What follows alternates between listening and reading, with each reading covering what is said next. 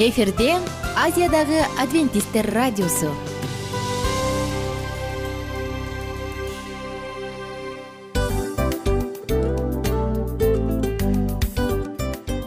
Достор салют. Баардык сүйүктүү угармандарыбызга салам айтабыз. Кутман күнүңүздөр менен.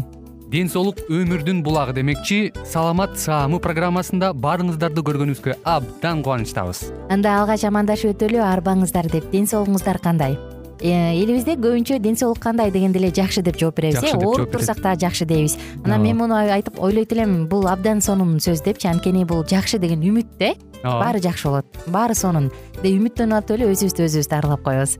Анысы кандай? Сиздин дагы ден соолугуңуз жакшы беш деген үмүттөбүз чындыгында ден соолук бул өмүрдүн булагы деп бекеринен айтылган эмес деп ойлойм. Кыргыз элинде анткени эгерде ден соолук жок болсо анда адамдын жашоосунда калган баардык керектүү маңыздуу нерселер өзүнүн баалуулугун жоготуп коет. Ошондуктан ден соолук бул эң керектүү нерсе. Ооба туура айтасың кесиптешим. Чынында ден соолугуң жок бир эки үч күн ооруп калсаң эле э кандай болуп калат? Жашоодо көз каранды болуп каласың көп нерсеге жетишпей каласың көп нерсени кыла албай каласың жада калса эшикке дүкөнгө да чыга албай каласың. Туптуура анан ден соолук болсо демек биз биздин бактыбыз тотой деп койсок болот. Анда достор саламат саамы рубрикабызды баштайлы. Алдыда өзүңүзгө керектүү болгон сонун кеңештерди уга аласыздар. Мына ошондуктан биз менен бирге болуңуздар. Ал эми биз болсо милан жана айнура. Кеттик алга. Алга саламат саама ден соолуктун жарчысы. Саламат саама ден соолуктун ачкычы. Күн сайын сиз үчүн мыкты кеңештер сонун жаңылыктар кызыктуу фактылар. Биздин рубрикада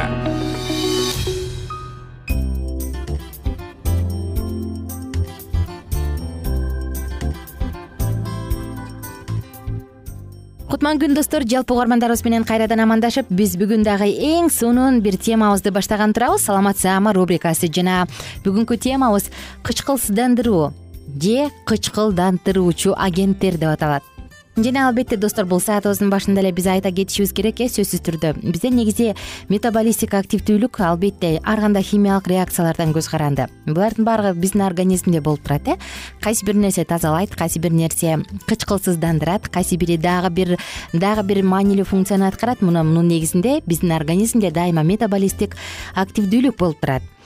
Анан организмде эң негизгиси баягы шелочтук балансты кармап турган маанилүү орган бул бөйрөк дал ушул бөйрөк ар кандай кислоталарды зара менен сыртка кошо чыгарып турат.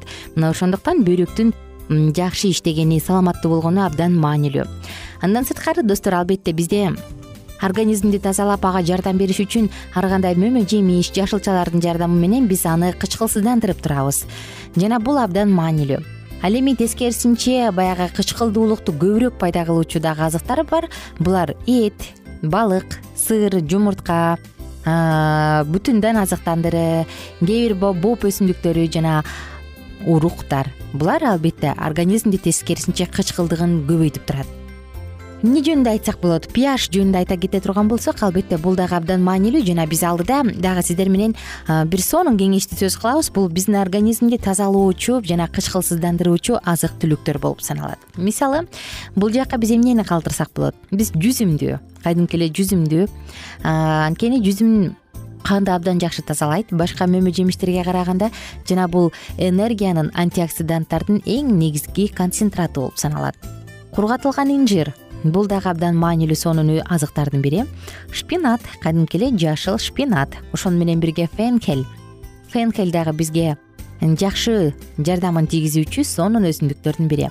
Тармал капуста дагы абдан сонун. Анын курамы ракка каршы болгон негизги кальцийдин булагы болуп саналат. Ошондуктан тармал капуста дагы абдан маанилүү. Руккола. Рукколаны дагы э, салатка кошуп жаңы сыгып алып кадимки эле сокторго кошуп ичсек болот бул дагы организмди кычкылсыздандыруучу касиетке. Кара карагат артрит ревматизмге каршы мыкты күрөшөт жана күчтүү антиоксидант. Банан. Банан дагы калийге абдан бай. Ошону менен бирге анда натрий көп эритилүүчү клетчатка көп. Ичеги карындардын баардыгын коргойт жана уулуу заттарды чыгарат. Мисалы зара аркылуу көп чыгарат селдерей эффективдүү зара кубалоочу касиети зор уулуу заттарды чыгарат жана кычкылсыздандыруучу минералдарга бай. Сабиз кадимки эле сабиз бул дагы баягы кычкылсыздандырууда тазалоодо эң негизги соктордун жөнөкөй гана классикалык ингредиенти сабиз кадимки эле анда бета каротин же болбосо провитамин а абдан көп. Ошондуктан ал дагы калий магний жана башка минералдарга тагыраак айтканда кычкылсыздандыруучу минералдарга бай болгондуктан сабиз дагы эң маанилүү азык. Жана лимон. Анын даамы э, кычкыл эмеспи э лимондуку. Ошого карабастан башка эле цитрустар сыяктуу ал дагы организмди кычкылсыздандыруучу касиетке ээ эми биздин организмде болсо биз жогоруда айтканбыз эсиңиздеби кайсы бир азыктар организмди тескерисинче кычкылдандырат деп. Тагыраак айтканда кычкылды көбүрөөк кылат. Бул кайсы азыктар болушу мүмкүн? Уйдун сүтү йогурт жасмык чечевица деп көп тааныйбыз жүгөрү миндаль ак күрүч ак ун жумуртка быштак тооктун эти уйдун эти индейканын эти быштак солями креветки мидии пармезан сыры. Булардын баардыгы тең. Организмди тескерисинче кычкылдуулукту көбөйтөт. Эми достор албетте бул кычкылдуулук кычкылсыздык деп айтып калганда организм үчүн биз азык түлүктөрдү туура айкалыштырганды дагы билишибиз керек э. Анткени баардык баардык малдан алынган азык түлүктөрдүн баардыгы кычкылдуулукту көбөйтөт. Ал эми тескерисинче өсүмдүк азыктары өсүмдүктөрдүн баардыгы тең дан өсүмдүктөрү уруктар боп өсүмдүктөрү булар болсо малдыкы сыяктуу эле булар дагы кычкылдуулукту көбөйтөт. Ошондуктан достор биздин жеген рационубузда күнүмдүк азыгыбызда сөзсүз түрдө жашылча жашыл жемиштер мөмө жемиштер болгону жакшы. Алардын баардыгы тең дан азыктардын баардыгын нейтралдаштырат дагы алар организмди кычкылдандырбай калат. Жана албетте бул биздин организмге жакшы таасирин калтырат организмде көбүнчө биз эмне жейбиз дегенде кээде жээрге тамак таппай калабыз го э? Анан эптеп эле курсакты тойгузуш эмес. Курсакты туура жана пайдалуу тойгузуу абдан маанилүү. Кычкылсыздандыруу жөнүндө сөз кылганда жогоруда айтпадыкпы бөйрөк негизги органды негизги орган депчи бул жаатта. Анысы кандай кычкылсыздандыруу жөнүндө сөз кылганда биз сөзсүз түрдө мөмө жемиштер жана жашылчалардан жасалган сок смузилерди сиздерге сунуштайбыз. Анткени булардын баардыгы тең. Организмди тазалайт бөйрөктүн иштешин жеңилдетет жана сөзсүз түрдө ашыкча кислоталардын баардыгын сыртка чыгарганга жардам берет. Эгерде азык түлүктүн ph көрсөткүчү кислотуулугу көбүрөөк боло турган болсо анда албетте бул негативдүү пкпн деп аталат. Тагыраак айтканда негативдүү кислота деп аталат. Мисалы кадимки эле лимон. Лимон кычкыл бирок ошентсе дагы ал организмди ого бетер кычкылдантпайт. Ал тескерисинче организмден кычкылдуулукту төмөндөтөт. Жана тескерисинче кадимки эле сүт.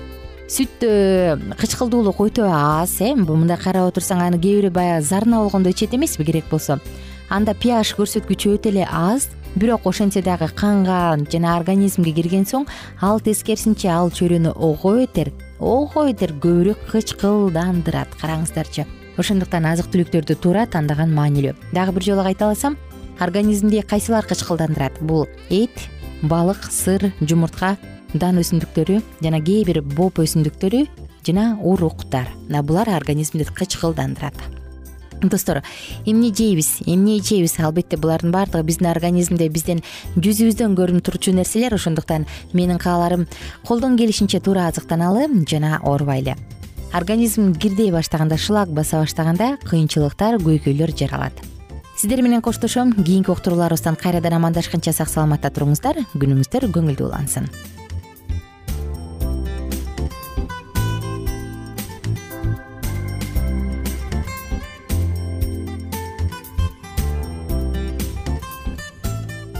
кененирээк маалыматтар үчүн үч w чекит саламат чекит клуб сайтына келип таанышыңыздар.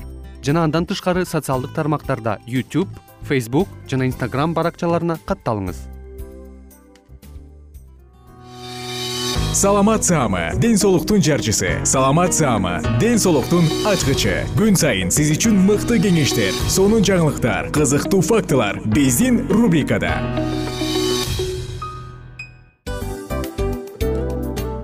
салам достор. Кайрадан биздин сүйүктүү рубрикабызга кош келиңиздер деп айтмакчыбыз.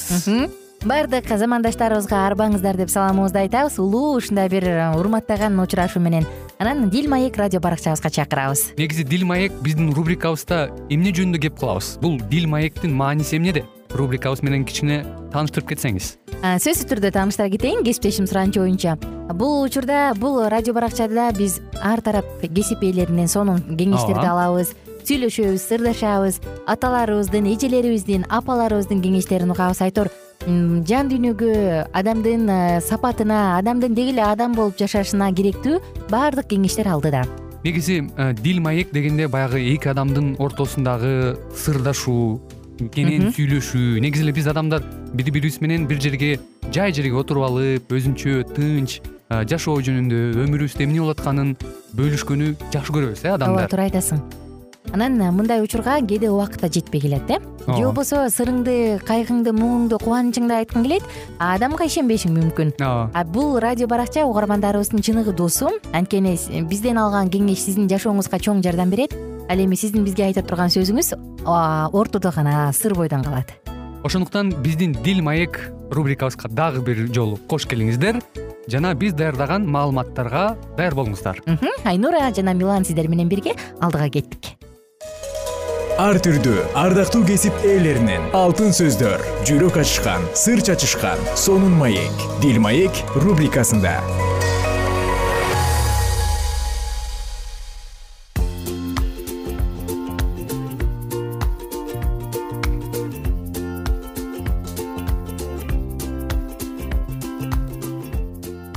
Салам достор. Баардык угармандар менен амандашып биз кайрадан дил маек уктуруубузду баштадык ооба чындап эле үй бүлө бул коомдун күзгүсү демекчи. Кайрадан эле биз сиздер менен дил маек уктуруубузду улантмакчыбыз айнура жана улан уул кызыңыздар кызматтабыз достор жалпыңыздар менен биз үй бүлөдө эмне себептен конфликт келип чыгат деген темаларды санап атканбыз. Тема дебедимби себептерди э жана биз баарлашуу жөнүндө айтып келе жатканбыз. Ушул эле жерден баарлашуу канчалык деңгээлде маанилүү экендигин улантпайлыбы кандай дейсиң?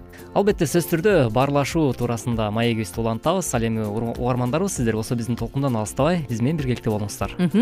Баарлашуунун жоктугунан адамдар баягы жубайлар эле эмес баардык адамдардын арасында конфликт келип чыгат э. Адамдын оюн уга билбегендиктен адамдын адамга ачылып бере албагандыктан керек болсо жумушта деле достор арасында деле дос боло албай каласың андачы досуң жок болот. Э, ушундай нерселерде көп көйгөйлөр жаралат да. Анан качан адам баарлашууга даяр болгондо баарлашуунун кайсы бир кандай десем стереотиптерин билген учурда анда көйгөйлөрдүн баардыгын качып кутулса болот. Ошол сыяктуу эле жубайлар дагы эгерде баарлашуу ачылышуу сүйлөшүү жок болсо сөзсүз конфликт келип чыгат. Анткени сен билбейсиң да мен мисалы сени карап туруп билбейм э? Сен эмнени ойлоп атканыңды эмнени күтүп эмнени каалап жатканыңды билбейм. Сен мен жөнүндө эч нерсе билбейсиң. Эгерде биз бири бирибизге ачылып бербесек анда экөөбүз программаны токтотобуз да эки тарапты көздөй кетебиз э? Сөзсүз түрдө анысы кандай ооба чындап эле кесиптешим өзүң айткандай баягы эки адамдын ортосунда баарлашуу ошол эле конфликттердин алдын алууда сүйлөшүү дискуссия деп коебуз э ошол нерсе болбосо албетте анда күчөп күчөп конфликт болуп туруп анан баягы жарылууга алып келет эмеспи негизинен эле баягы менин айтайын дегеним мындай болуп атат да кесиптешим. Тиги э, мисалы үчүн эки адам бир жерге убадалашып алып баратып анан ошол эле учурда эмне максат менен баратканы туурасында алдын ала сүйлөшпөсө анан бирөөсү түнт боло берсечи мисалы үчүн? Айтпаса. болуп эле эчтеке айтпаса ою сен өзүңдү доңуз сезесиң. Оюңда эмне бар экенин айтпаса анан кантип анан э, баягы иш алдыга жүрөт деген кеп да ооба негизи албетте сен айта кеткендейчи кимдир бирөө чын эле доңуз сыяктуу болушу мүмкүн кимдир бирөө түнт болуп эч нерсе айтпайт э бирок ошол учурда деле ачык адам экинчи адамга жакшы таасир кылганды билгени жакшы деп. Ал эми түнт адам мен ушундаймын дебестен үйрөнүш керек го дейм адам өзүн тарбиялап. Негизи эле жашообузду баягы үй алыш керек машина алыш керек эле эмес адам өзүн инсандык адам катары инсан катары да калыптандырышы керек го үйрөнүшү керек өсүшү керек жаңы нерселерге үйрөнүшү керек э анысы кандай бул нерседе дагы баарлашуу абдан чоң ролду ойнойт албетте чындап эле өзүң айткандай баягы баарлашуу жаатында дагы кыргыз элибизде деле айтылган жакшы бир макалдар бар эмеспи. Мисалы үчүн э, көкпеттик дагы бул адамдын бир э, терс сапаты деп койсок болот да. Анткени э, көкпет боло бербечи дейт го. Мисалы үй бүлөдө көкпеттенбечи дейт э? Ай көкпеттенбечи депчи анан чындап эле көкпеттик дагы бул аябай жаман нерсе экен да. Мисалы үчүн эки үй бүлө никелик жашоодо аял менен жубай ой күйөөсү менен жубай экөө келинчек экөө бир үйдө түтүн булатып атып анан эле мисалы келинчеги көк бет боло турган болсо анда бул дагы абдан бир мындай үй бүлөлүк гармонияны түздөгөнгө мындай тыгыз болгонго бир өтө бир терс таасирин тийгизет да. Себеп дегенде кечке эле көк беттенип эле анан бир нерсени айтып атсаң деле жок андай эмес деп эле баягы эметип берсе сөзсүз түрдө баягы конфликт көйгөйлөр конфликттер келип чыгат эмеспи ооба биз конфликт келип чыгуу эмне себептен келип чыгат? Эмне себептен конфликттер пайда болот? Мына ушул келип чыгуунун бир нече себептерин санап өттүк э? Бул албетте баардыгы деп айтуудан алыспыз. Биз килейген океандын кичинекей эле четин ойдуп бир эле кашык суу сузуп алдык. Анткени ар бир адам индивидуалдуу ар бир үй бүлө өзүнчө бир кара калың токой э? Орус тилинде айтылгандай баягы темный лес деп коет го. Ооба. Антсыканда ар бир үй бүлөдө ар кандай маселелер бар? Ар бир үй бүлөнүн мырзаларынын түшүнүгү айымдарынын түшүнүгү ар башкача. Бирок конфликт келип чыгуусунун себеби бул дагы бир мен ойлойм адамдардын күтүүлөрүнөн депчи. Ооба сөзсүз жубайлар бири биринен ашыкчаны же күткөндүктөн же тескерисинче тиги адам өзүнүн милдетин ушуну аткарып койсо деген күтүүнүн орундалбаганынан келип чыгат го дейм албетте туптуура айтасың кесиптеш. Негизи адамдын күтүүсүнөн улам э, ошол күтүү аткарылбай калган учурда көңүл калуулар пайда болот. Ооба көңүл калуулар пайда болот сөзсүз түрдө. Мисалы келинчеги ойлойт экен да ушул мага айлык алганда жок дегенде бир шоколад деле алып келип берип койсо. Көп болсо эми жүз сом болор ушу мени бул сага алтыным деп бетимен жылуураак өбүп туруп белек кылып койсо дейт экен да. А жолдошу ойлойт экен ушул дем алыш күндөрдө сен эмне тамак жакшы көрөсүң деп туруп жасап берип койсо мага. Депчи э мындай карасаң күтүүлөр экөө тең орундалчу экөө тең аткарылчу жөнөкөй эле этиштер жөнөкөй эле нерселер. Бирок экөө бири бирине ачык айтпагандыктан көңүл калуулар пайда болот. Баягы келинчеги тарс этип тамакты берип коет сен акчаңы алып келгенине да ыраазы болбойчу. А жолдошу ойлойт карасаң ушунча акчаны алып келип берип атсам нааразы болуп аткан кара дейт да. Же болбосо келинчеги күтүп аткан же болбосо мырза баягы таттуу тамак жасап берсе мен жакшы көргөн мантымды түйүп берсе дейт. Бирок келинчеги аны ойлобойт дагы дем алыш күнү ары бери чыгалы андан көрө мындай кылалы дейт да. Баягы эле макаронду куруп коюшу мүмкүн э. Анан жолдошунун кабагы бүркөлүп кайра макаронбу дегенде карасаң ушу тамакка ыраазы болбой аткан дейт да. Антсыкандай күтүүлөрүбүздү биз ачык айтпагандыктан анан адамдын мүмкүнчүлүгүнө жараша күтпөгөндүгүбүздөн дагы келип чыгат. Баягы бир жолу атам айтып калды адамды биз качан өзгөрүлөт деп күтөт экенбиз депчи менин атам жакында экөөбүз сүйлөшүп калдык. Ушул үй бүлөлүк темада анан ал айтат качан өзгөрүлөт деп күтөт экенбиз? Бирок ал адам өзгөрүлбөйт экен дейт да. Анан мен ойлондум дейт адам негизи өзгөрүлөбү? деп дейт да. Анан мен ойлоп калдым адам качан ал э, туткан идеалы бар болсо ал умтулган идеалы бар болсо гана өзгөрүлөт? Болбосо ал өзү менен мен ушундаймын деп кала берет экен депчи баягы кыйшык жыгачтын жанында түз жыгач болбосо эмнеден үлгү алыш керек экенин билбесе ал адам өзгөрүлүш кыйын экен деп калдым да.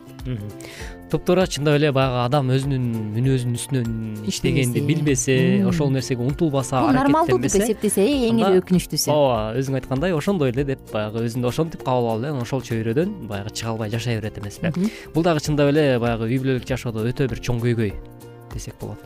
Жакшы. Биздин карамагыбызда саналуу секундтар гана калды. Дал ушул күтүүлөр жөнүндө биз дагы кененирээк кийинки уктуруубузда сөз кылалы.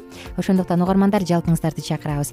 Сенин жашооңдо кыскача айта кетсең күтүп анан көңүлүң калган учур болду беле ай депчи же сен мындай ачык айтып үйрөнгөнсүңбү албетте күтүүлөр болот. Азыр деле болуп келет. Э, анан кээ бир учурда баягы күткөн нерсең аткарылбай калганда албетте ар бир эле адамдын баягы көңүлү чөгө түшөт эмеспи. Ушундай нерселер болот. Эми бул баягы нормалдуу эле көрүнүш э, деп мен эсептейм. Бирок ошол күтүүлөрдү баягы туура нерсе менен э, чечкенге баягы жогоруда биз айтып өткөндөй эле өзүң дагы аракеттенишиң керек да. Мен эмнени аялыман талап кылып жатам ооба мен эмне бере алам? Анан кайра мен ошонун күтүүсүнө жараша кандай жооп кайтара алам деген ой болуш керек достор кийинки уктурууда саатыбызды улантабыз ага чейин амандашканча сак саламатта туруңуздар.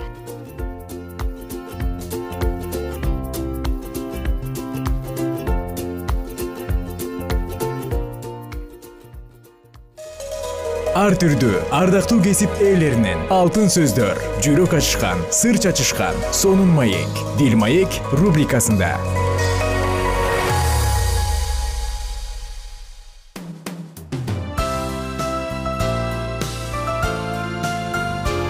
эфирде азиядагы адвентисттер радиосу.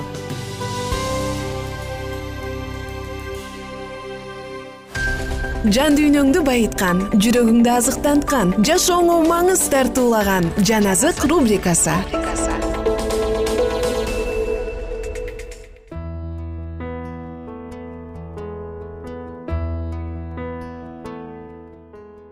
салют достор. Жалпы угармандарыбыз менен амандашып биз кайрадан жагымдуу саатыбызды баштадык. Жан азык рубрикасы. Арбаңыздар ардактуу радио каармандар кайрадан эле биз сиздер менен жан азык уктуруусунда кездешкенибизге өтө кубанычтабыз жана албетте жан азыкта жан дүйнөнү азыктандыралы э. Улан эсиңдеби? Мурунку уктуруубузда биз жамандыкка жакшылык деген теманын үстүндө сөз кылып атып мен бир тасманын кичинекей сюжети жөнүндө бөлүшүп берем дебедим беле ооба ооба мен дагы аябай мындай күтүп атасыңбы э, мен эсимде жок кайсы сериал мен негизи кино көргөнгө менде көп убакыт болбойт бирок ошол ошол учуру менин жүрөгүмдө калды да. Бир сериал экен. Анан ал жакта э, эки дос кенедей бала чагынан бери достошуп жүрүп чоңоюп балдары үйлөнүп жайланып неберелүү болушат. Анан ошол эки достун бирисинин баласы экинчисинин баласын өлтүрүп коет да. Анан эмне себептен дегенде кокустуктан андай мындай деп актанат анан досу келип досу башка улутта болот да анан келип айтат мына мен сенин колуңдамын мен эч жака качып кетпейм мен сенин колуңдамын. Менин балам ооба менин балам туура эмес кылды. Менин балам эң жаман иш кылды. Мен канча кечирим сурап сенин бут алдыңда тазим кылбайын бирок сенин жараңды сенин ордуңду мен толтура албайм жоготкон дейт да. Эмне кылсаң өзүң бил мына мен сенин алдыңдамын дегенде э, берки баласын жоготкон адам ойлонуп туруп анан келип кучактап атпайбы. Кучактап досум сен менин эң жакын досумсуң дейт. Сен өлтүргөн жоксуң сенин балаң кылды муну дейт. Бирок эгерде мен азыр касташа турган болсом анда экөөбүздүн кийинки балдарыбыз бири бирин өлтүрөт. Кастык андан ары уланат анан ал неберелерибизге өтөт анан чөбүрөлөрүбүзгө өтөт дейт. Кел андан көрө ушул жерден эле токтололу дагы кечиришели. Эгер кааласаң мен баардыгын унутуп коем балаңды чыгарып берем дейт да. Түрмөдөнчү. Анан берки ойлонуп туруп жок эгерде сен кааласаң мен айылдан деле чыгып кетем. Анткени сен мени көргөн сайын балаңды эстейсиң депчи анан мага ушул баласын жоготкон адамдын ою аябай жакты да эгерде дейт. Мен азыр кечирбей жок мына сен деп ызылдай турган болсок анда балдарыбыз бири бирин өлтүрөт да кастык уланат депчи карачы э мисалы жаңы гана баласын жоготуп ушундай баягы акыркы сапарга узатуу аземинде мындай сөздөрдү айтуу негизи кыйын тасма болсо дагы бирок ошол автор абдан сонун сөздөрдү терип жазыптыр да мага жакты бул нерсе. Анан жашообузда деле ошондой болот. Эгерде сенин тооңуңду өлтүрүп кетсе сен анын казын өлтүрөсүң. Ал сени кайра индигиңди өлтүрөт сен анын козусун өлтүрөсүң э? Мына ушул сыяктуу көп нерсе болот го. Же урдап кетсе баягы күнү менин күрөгүмдү урдап кеткин деп туруп анын эртеси сен күрөгүң менен тырмогун урдап келесиң. Мына ушул сыяктуу учурлар боло эле атпайбы жашоодочу ооба. Чындап эле баягы э, тишке тиш э, көзгө көз дейт көзгө көз деген сыяктуу башка баш дейт ушундай нерселерди кылат эмеспи анан. Э, чындап эле мындай азыр мен ушунчалык сага мындай э, таң берип отурам да кесиптешим себеп дегенде канчалык убактың жок болсо дагы анткени э, сөзсүз түрдө мындай чыгармачыл чөйрөдө иштеген адамдардын убактысы жок. Биринчиден баягы дайыма эле тасма көрүп отура бергенге экинчиден баягы сенин акыл ой тутумуңдун ушунчалык күчтүүлүгүнө баа берип отурам баа берип отурам азаматсың. Ал эми чындап эле мындай бүгүнкү учурда ошол кан жутуп отурган адам мисалы өзүнүн жакынын мындайча баласы элестейт э, кан жанынан чыккан этинен жаралган бала. этинен жаралган боор этинен жаралган деп коет э кыргызда анан ошол адамын жоготуп отурган адам чын эле жанагындай мындай э, айкөлдүк менен кайрадан мындай ушундай иш кылыш бул өтө эле чоң эрдик да. Муну ар бир эле адам кыла албайт болуш керек менимчечи бул дагы кандайдыр бир э, мындай э, касиети бар бул өзгөчөлүк деп айтат элем да муну адамдын күчтүүлүгү деп э мындай ушундай учурда адам негизи мындай конкреттүү ачык ой жүгүртө албай калат го тунук ой жүгүртө албай калат деп коет эмеспизби. Анткени өлүп калган эмес жөн гана кырсыктап калган учурда жөн гана кыйынчылык болгон учурда сен андай кыла албай каласың мындай учурда жок деп туруп досунун достугун баалап анан кайрадан ага ушундай эркиндик берип атканы мен айтат элем бул абдан эле жакшы деп. Жашообузда деле ушундай учурлар кездешсе мисалы чын эле жамандыкты жакшылык менен токтотуп чекит бал тайгангана чекит коюп турган учурлар кездешсе сонун болмок. Мисалы азыр деле өлкөбүздөгү жагдайда э бири бирине тиш кайрагандар бар жок андай кылсын мындай кылсын дегендер бар бирок элдин жалпысы негизги масса жок деп туруп жакшылык менен жеңели деп жакшылыкка кайта турган болсо мен айтат элем баардыгы жакшы бүтөт деп. Ооба сөзсүз түрдө туптуура айтасың кесиптешим. Ал эми чындап эле э, жогоруда өзүң айтып аткандай эле өлкө жөнүндө айтып кетпедиңби мен да ушуга кичине кыстырма катары э, оюмду кошумчалап кетким келип атат себеп дегенде бүгүнкү учурда деле биз эч кандай мындай саясат жаатына эч кандай бир политикага кийлигишкибиз келбейт албетте. Бирок ошол эле учурда бүгүнкү күндө ушул биздин коомубузду өлкө башчылары э мындай кыргызстанды башкарып жаткан аттуу баштуу адамдар эле бүгүнкү күндө бири бирине карата жогоруда сен айткандай эле тиш кайрыолор ооба. Э, баягыда билесиңби сен мени мындай кыласың. мен сени мынтип баягы түрмөгө отургузам деген сыяктуу эле көрүнүштөрдү бүгүнкү күндө жашообузда көрүп жаткандан улам. Тилекке каршы салт да болуп баратат тилекке каршы мындай э, сен айткандай салт сыяктуу болуп калды да. Анан мен ойлондум да ушул нерсени көрүп отуруп мындай чын эле биз бүгүнкү күндө каякка баратабыз депчи. Анткени мындай өч алуу улам улам эле бири биринен сен өткөндө мындай кылгансың эми мен сага мындай кылам деген нерсенин өзү бул бара бара минтип отурса анда биздин өлкөбүз мамлекетибиз деги эле кыргызстан каякка барат деген ой болду да. Туура айтасың. Э, ушул учурда жок деп туруп баардыгына чекит койчу адам керек э? Жок мындай болбойт мындай уланбашы керек деп. Мисалы башка өлкөлөрдү карасаң экс деген бул сый урмат го э о депчи. А бизде байкуш ал тиякта отурат деген сыяктуу бир жаман түшүнүктөр калып атат. Жөнөкөй жашообузда деле. Мисалы жакында биздин үйдү үчүнчү кабатта жашаган кошунабыз э, затоп кылып үйдү да. Суусун ачып коюп унутуп калып анан биздин үй ушундай суу болуп потологубуз жаракка кетип шыпчы.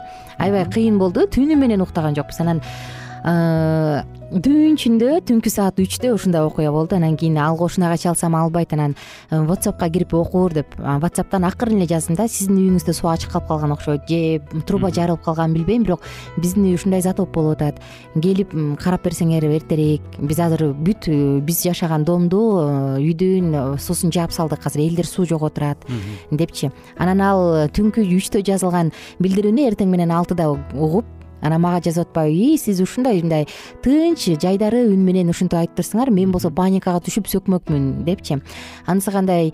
Мен айттым да биринчи ушинтип айтайын десем жолдошум жок антип эмне кереги бар эми ал атайын деп атайлап кылган жок да. Андан көрө жайдары эле айтып кой анын жүрөгүн түшүрүп эмне кыласың? Алсыз деле чыгым болуп аталы баарын ремонт кылат деп калды да. Анан аны угуп койчу деп мен дагы бир чети аяп кеттим. Анан акырын айтсам келип алып таң калып атпайбы шүгүр азыр. Жок баарын оңдоп берем тургузуп берем. Рахмат ушундай мени туура түшүнгөнүңөр үчүн деп кайра ыраазычылык айтып калды да. Өзгөчө кошуналар менен тынчтык мамиледе болгуң келет го. Бирок э, дайыма эле бул колубуздан келе бербейт экен улан кесиптеш убактыбыз соңуна чыгып калды. Кийинки уктурубузда уланталы э ушул теманы кандай дейсиң? Абдан жакшы анда эмесе кымбаттуу угармандарыбыз э, жамандан алыс болуп ар дайым жакшыга жанашалы деген тилек менен бүгүнкү уктуруубузду жыйынтыктамакчыбыз. Бар болуңуздар кайрадан амандашканча сак саламатта туруңуздар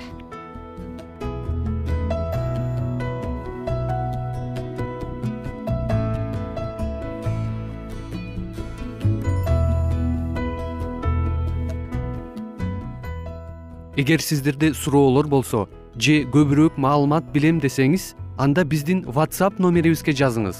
Плюс бир үч жүз бир жети жүз алтымыш алтымыш жетимиш. Кайрадан плюс бир үч жүз бир жети жүз алтымыш алтымыш жетимиш